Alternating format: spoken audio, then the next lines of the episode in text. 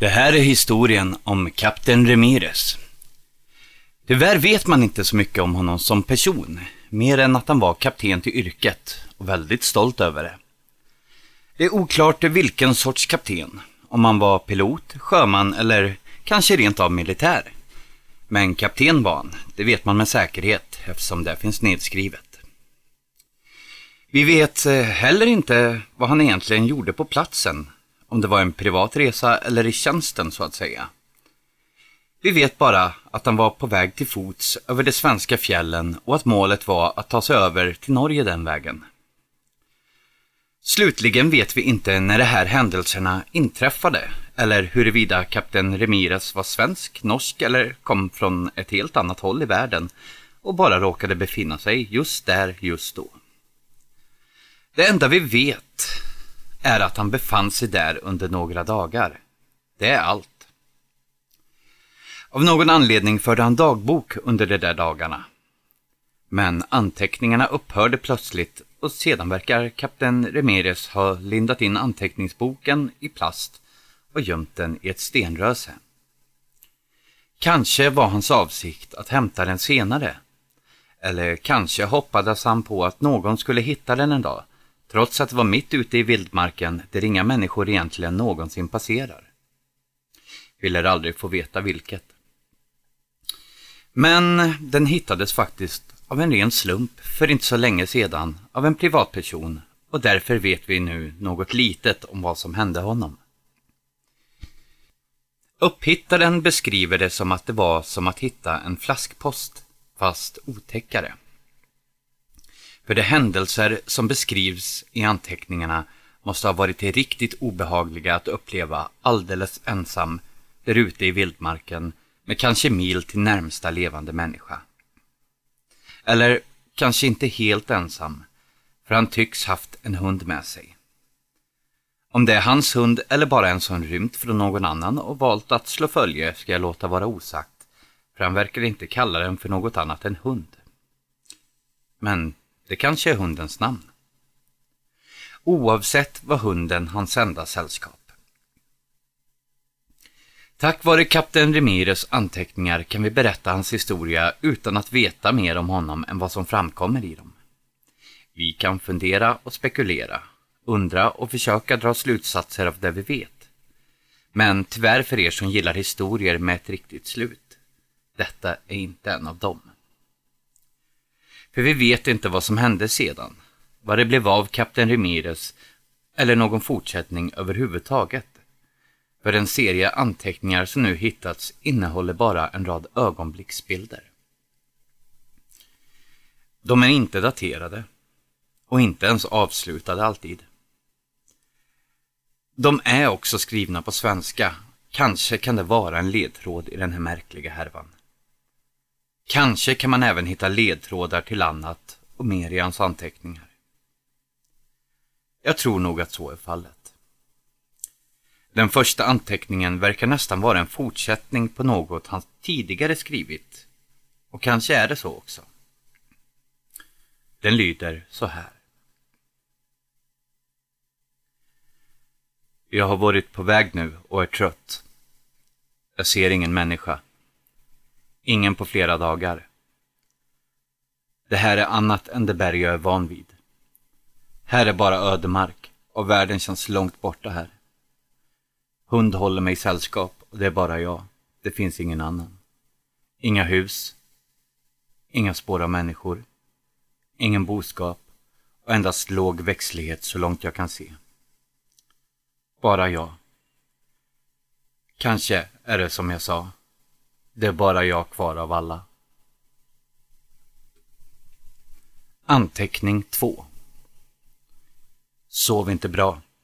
Vaknade av en stor explosion. Vet inte var ljudet kom ifrån. Hund vaknade också, höll sig nära mig efter det.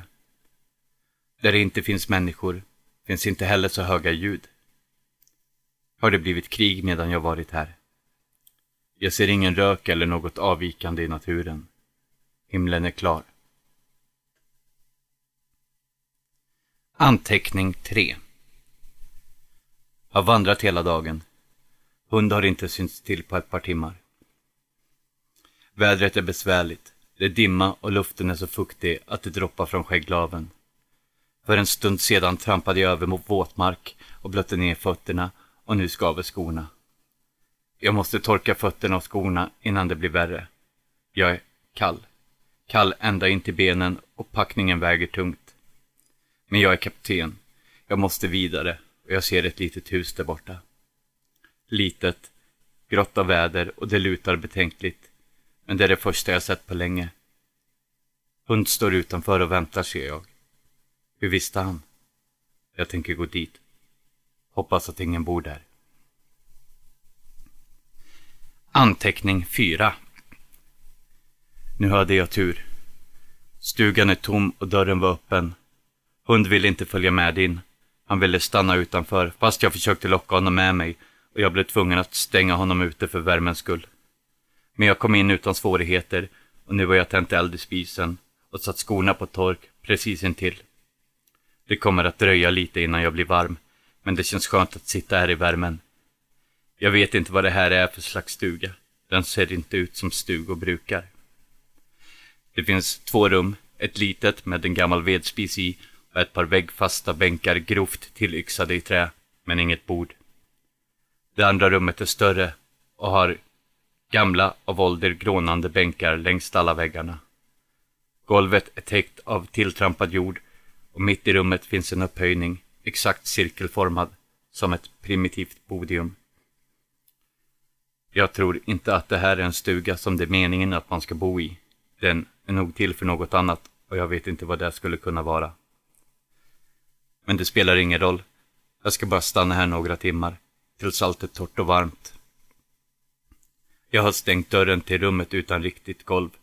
Jag tänker hålla mig här där vedspisen är och där trägolvet väl till slut måste värmas upp. Det finns ingenting här. Ingenting överhuvudtaget som inte är väggfast. Utom en gammal vissel-Johanna som står på golvet bredvid vedspisen. Jag antar att den är till för annat, men jag tänker värma mat i den och hoppas att det går bra. Jag måste. Det måste vara helt mörkt i det andra rummet, men jag hör ljud därifrån. Ett hasande och gurglande som inte liknar något annat. Det låter inte, inte friskt. Hund gnyr utanför och krafsar på dörren, men han vill fortfarande inte komma in. Jag vet inte vad det är som är där inne och jag måste titta efter fast jag egentligen inte vill. Jag är kapten Ramirez. Jag har sett värre och är tränad för det värsta. Jag måste titta och jag får inte bli upptäckt.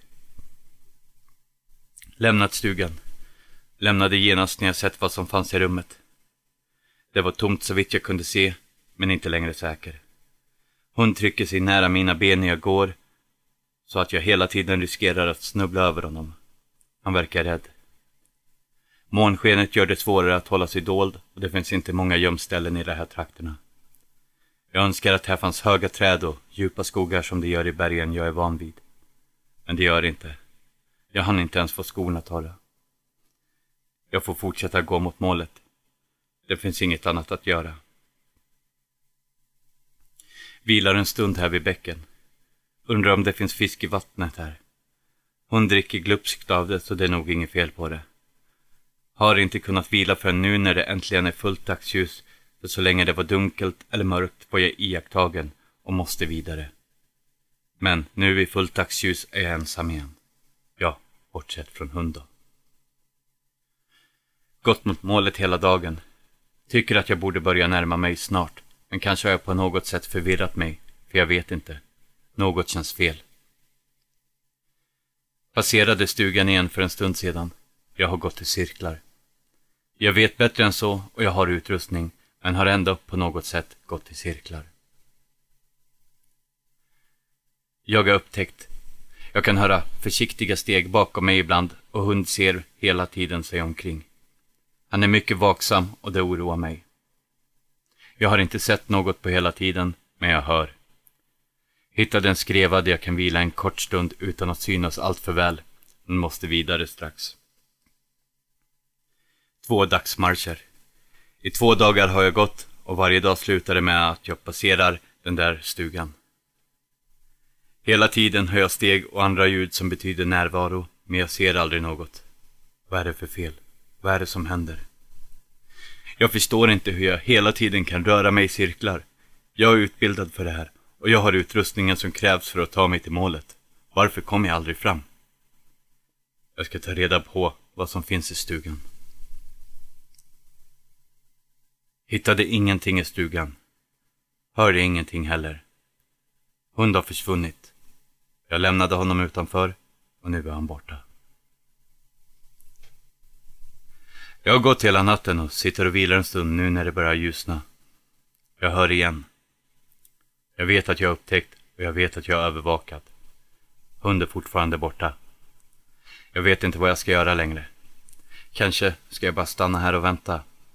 Ge mig till känna och låta mig fångas och se vad som händer då. Någonting rör sig på höjden där borta. Det är svårt att se vad det är, men det är något stort. Jag ska ta fram kikaren. Först trodde jag att det var den som var efter mig. Och först trodde jag att det var en människa där uppe på höjden. Och det var det också. Först. Men inte sedan. Jag såg honom ganska tydligt i kikaren där han avtecknade sig mot himlens grå öga. Men sedan började han vrida och vända på sig, som om han fick någon slags smärtsamt anfall. Och till slut föll han ner på knä. Då såg jag att han var täckt av långt grovt hår och tänkte det var en björn. Och det var det också. Efter att det var en människa var det en björn. Men inte ens det var rätt. För sedan ruskade det på sig som en hund och satte upp ansiktet i luften för att vädra. Plötsligt vände den blicken åt mitt håll. Jag tyckte att den såg rakt på mig. Var säker på att den såg rakt på mig. Medan jag stoppade undan kikaren skrek den rakt upp mot himlen. Och sedan såg jag hur den satte iväg nerför i en väldig fart, springande som ett djur på alla fyra. Jag hörde hund skrika. Jag är säker på att det var hund, fast jag aldrig hört honom skrika tidigare. Jag måste vidare. Jag är kapten Ramirez. Jag kan hantera det här. Oavsett vad det... Efter det finns inga fler anteckningar. Åtminstone inga som hittats. Kapten Ramirez och hans hund är heller inte hittade och ingen tycks veta vad han överhuvudtaget gjorde där. Hade han ett uppdrag? Lyckades han till slut? Vad var det för stuga han hela tiden återkom till och vad var det egentligen för varelse som följde honom? Eller förlorade han helt enkelt kontakten med verkligheten och mänskligheten och därmed även sitt förstånd där i sin ensamhet? Ja, hörni. Vem vet? Vem vet? Det ni nyss har hört var Kapten Ramirez, skriven utav våran Michaela Schmidt, här på NMF. Eller När mörkret faller, om man hellre vill det. Mitt namn är Tommy, och ni vet mycket väl vad ni lyssnar på. Vi är på avsnitt två av säsong tre och jag ser att det hela tiden höjs med lyssnare och jag är så himla tacksam för det och det vet jag Mikaela är med. Nästa avsnitt, avsnitt tre, kommer vi börja med det nya konceptet Lyssnarnas historier. Så om du har en historia eller en upplevelse liggandes hemma eller i ditt huvud som du vill skriva ner till oss är du välkommen att göra det. Förhoppningsvis kommer vi ha fler än ett avsnitt. Eller så kanske vi helt enkelt bakar in dem tillsammans med Mikaelas i framtida avsnitt. Det här avsnittet heter ju Att rymma. Och någon mer som får rymma förutom kapten Ramirez var tyskarna. Som kommer här, skriven utav Mikaela Schmidt och uppläst av mig, Tommy Nordin. Här, på När mörkret faller.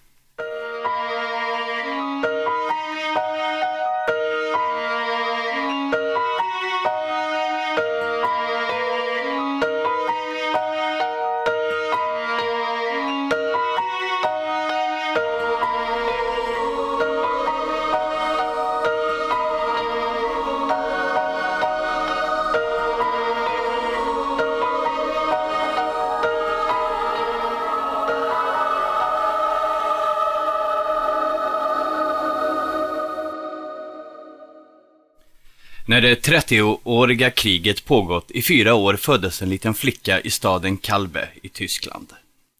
Hon fick heta Anna. Annas familj var finbörd och de hade det gott ställt även om kriget kommit mellan de allra bästa affärerna och familjens förmögenhet. När Anna var fyra år dog hennes far och det gjorde att familjen fick börja knapra på besparingarna. Det gjorde dock inte så mycket eftersom besparingarna var ganska omfattande.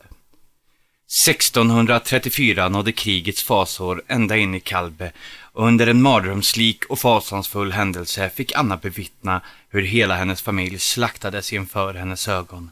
Men själv kom hon undan. Totalt utblottad och alldeles ensam flydde hon genom gatorna för att sätta sig i säkerhet.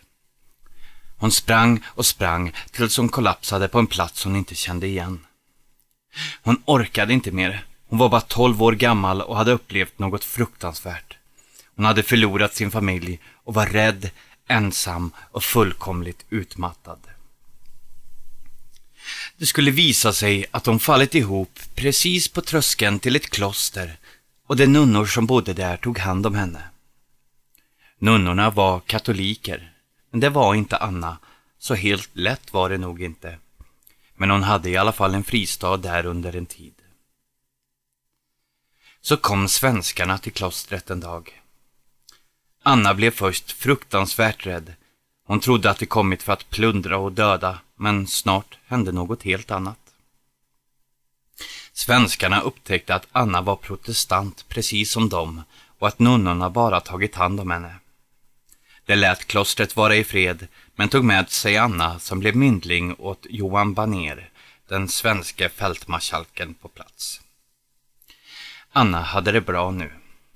Hon fick undervisning och blev väl omhändertagen och hon fick också ha ett litet umgänge i militärlägret och det var på det sättet hon träffade Karl Wrangel. Tycke uppstod och Anna gifte sig där i lägret i juni 1640. De tycks ha gift sig av kärlek, något som inte var så vanligt på den tiden och speciellt inte bland adeln som Wrangel tillhörde. Wrangels släkt och speciellt hans far var mycket missnöjd eftersom Anna varken förde med sig pengar eller anor som var tillräckligt användbara. Men Karl struntade i detta och gifte sig ändå med Anna. Fram till krigets slut stannade de kvar i Tyskland men efter krigsslutet tog Karl med sig sin fru hem till Sverige där de slog sig ner på Skokloster där Anna var ytterst delaktig i slottets skötsel och ekonomi vilket inte heller var vanligt på den tiden.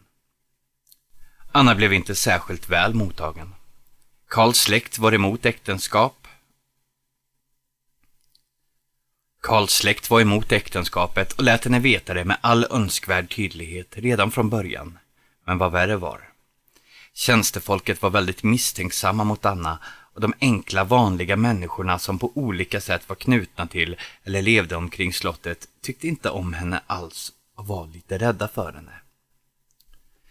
När hon inte var i närheten kallade de henne Tysk-Anna och det tisslades och tasslades i stugorna om kvällarna.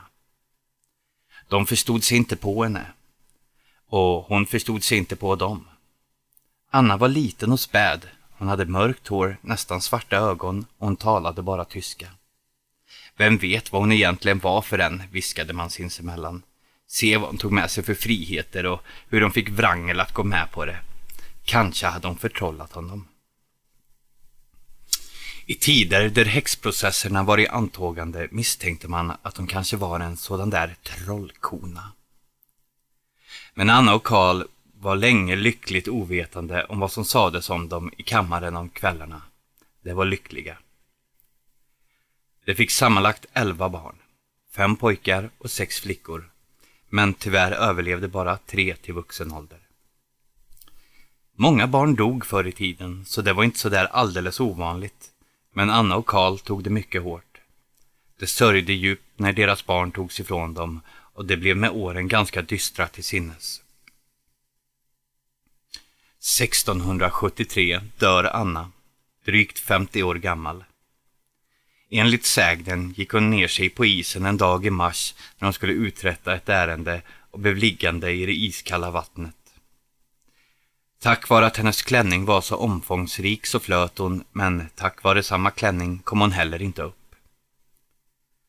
Anna, som fortfarande inte brytt sig om att lära sig svenska, skrek förtvivlat efter hjälp på tyska. Hilfe! Hilfe! Men ropen blev allt svagare. Tjänstefolket som bevittnat olyckan stod tysta och villrådiga och såg på. De förstod inte vad hon sa och hon flöt ju. De tyckte att det var ett bevis på att hon faktiskt var en häxa på riktigt. Så till sist vände de ryggen till och återvände hem till slottet. Då hade Annas rop nästan tystnat helt. När Karl Wrangel äntligen fick höra talas om vad som hänt var det för länge sedan för sent. Anna var död. Ihjälfrusen i Mälarens iskalla vatten. Anna och hennes make och deras barn ligger begravda i en krypta på Skokloster och med tanke på alla tragedier som Anna tvingades genomlida under sin livstid vore det inte konstigt om hon inte fått ro i sin grav. Om nu tyskarna gick igen. Och det sägs att hon gör det. Det viskas fortfarande om henne på kvällarna i de där trakterna och människorna är fortfarande misstänksamma. Historien som oftast berättas är om hur de kan höras vanka av och an i vad som en gång var Skoklosters barnkammare. Ibland kan man se henne i fönstret där hon står och ser ut över sina ägor innan hon återtar sitt oroliga vankande. Det antas att hon vakat så mycket över sina små sjukliga barn att hon helt enkelt inte förmår sluta trots att åren och tiden sedan länge gått henne ur händerna och det är för sent. Och kanske är det så. Hon kanske oroade sig så mycket och sörjde så djupt under sin livstid att hon blivit ett platsminne. Som en sorglig film vars tragiska handling spelas upp om och om igen intill tidens ände. En annan ofta förekommande historia är att djur i allmänhet och hästar i synnerhet, det ligger en ridskola där intill, blir svåra att handskas med om man vill passera skokloster efter mörkrets inbrott. Hästarna vill ogärna passera där och hundar beter sig konstigt. Fåglar och andra mer eller mindre vilda djur tystnar helt så fort skymningen faller. Bilar stannar och vägrar starta och elektroniken krånglar. Allt detta sägs bero på Anna som inte får någon ro i sin grav. Det sägs att man mörka, kalla kvällar kan höra hennes förtvivlade skrik på hjälp. Att man kan höra hennes Hilfe, Hilfe eka över sjön. Hur det plaskar i vattnet och hur ropen och plaskandet sakta avtar och till slut dör ut. Och nu, precis som då, sägs det att man inte ska gå ner till vattnet medan det pågår.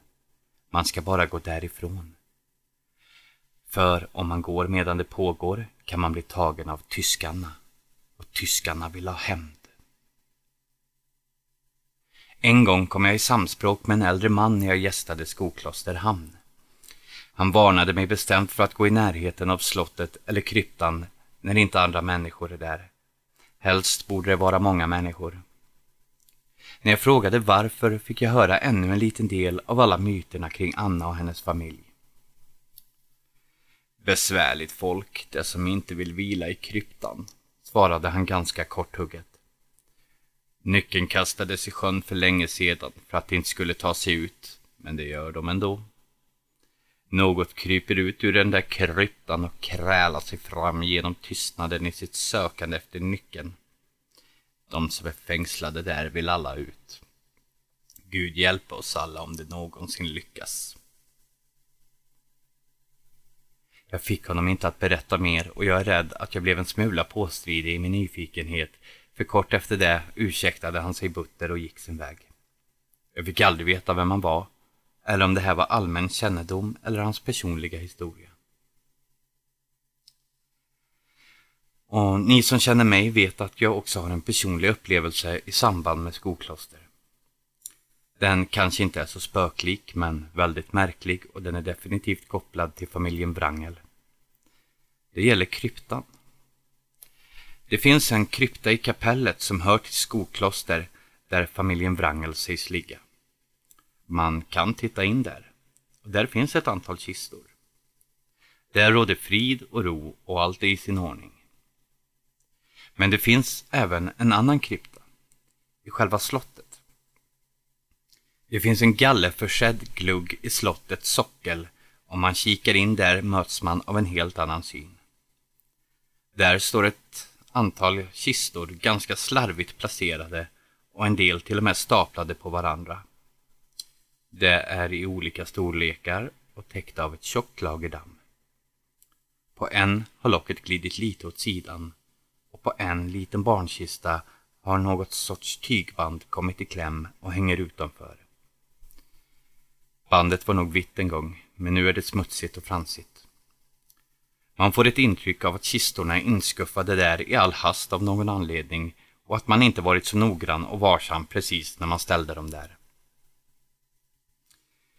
Jag har kikat in genom den där gluggen vid ett otal tillfällen ända sedan jag och min familj först råkade få syn på den när jag var barn. Vi har visat den för vänner och släktingar och undrat och funderat över vilka som ligger där. Om någon ligger där också för den delen. För det skulle ju kunna vara ett slags förvaringsrum av tomma kistor och vi tyckte faktiskt ibland att en av dem flyttat på sig lite. Det är också en rätt märklig plats för en krypta, speciellt när det faktiskt finns ett kapell inte alls långt därifrån. Vi är alltså många som sett den där kryptan under många års tid och vi minns den alla likadant. Men nu hittar vi den inte längre. Gluggen går inte att hitta längre helt enkelt. Till slut blev jag så nyfiken att jag kontaktade Skokloster för att fråga vad eller vem som låg där. Men Skokloster nekar bestämt till att det finns någon sådan glugg eller att det någonsin funnits en. På hela Skokloster finns det inte en enda glugg, påstod man. Och sa att jag måste mena den krypta som finns i kapellet. Men det gör jag inte. Det är inte samma. Ser inte likadant ut. Och jag, liksom mina släktingar och vänner, ser skillnad på ett slott och ett kapell. Det hela är ytterst förvirrande och omöjligt att få någon ordning på. Hur kan vi alla minnas fel på exakt samma sätt? Är det ens rimligt? Men så häromdagen, döm om min oerhörda förvåning, fick jag plötsligt syn på något i ett helt annat sammanhang. På tv visades nu en bild av kryptan på Skokloster som sade vara Wrangels krypta. Det såg nästan ut som den vi alla minns, men inte riktigt. Det såg också nästan ut som kryptan i kapellet, men inte riktigt. Så nu är vi ännu mer förvirrade. Kryptor tycks komma och gå på skokloster och det verkar förändras också. Eller är det ett kollektivt exakt likadant minnesfel det handlar om? Och varför då i så fall? Kanske handlar detta också om Anna. Hon vill kanske bara bli lämnad i fred. Hon kanske är hämndlysten som historierna säger. Det vore mycket lätt att förstå med tanke på alla de omänskliga hemskheter de fick utstå under sitt liv. Men det går också lätt att föreställa sig att de fortfarande är arg, förtvivlad och rädd. Oavsett vilket så hoppas jag att de till sist får ro en gång för alla. Att Anna får vila i frid efter alla dessa år. Det ni nyss hörde var Tyskanna skriven utav Mikaela Schmidt, uppläst av mig, Tommy Nordin. Och med det så är det dags att runda av det andra avsnittet av vår tredje säsong. Och jag hoppas att ni alla är med oss. Skriv gärna på Facebook, När mörkret faller heter vi där, eller på Instagram, NMF-podd. Har du en upplevelse eller en egen historia du vill ska vara med i våran podd? Så är du också välkommen att skriva den. Du får vara anonym. Vi ses igen om två veckor. Tills dess hoppas jag att ni har ljusen tända i er boning nu när mörkret faller.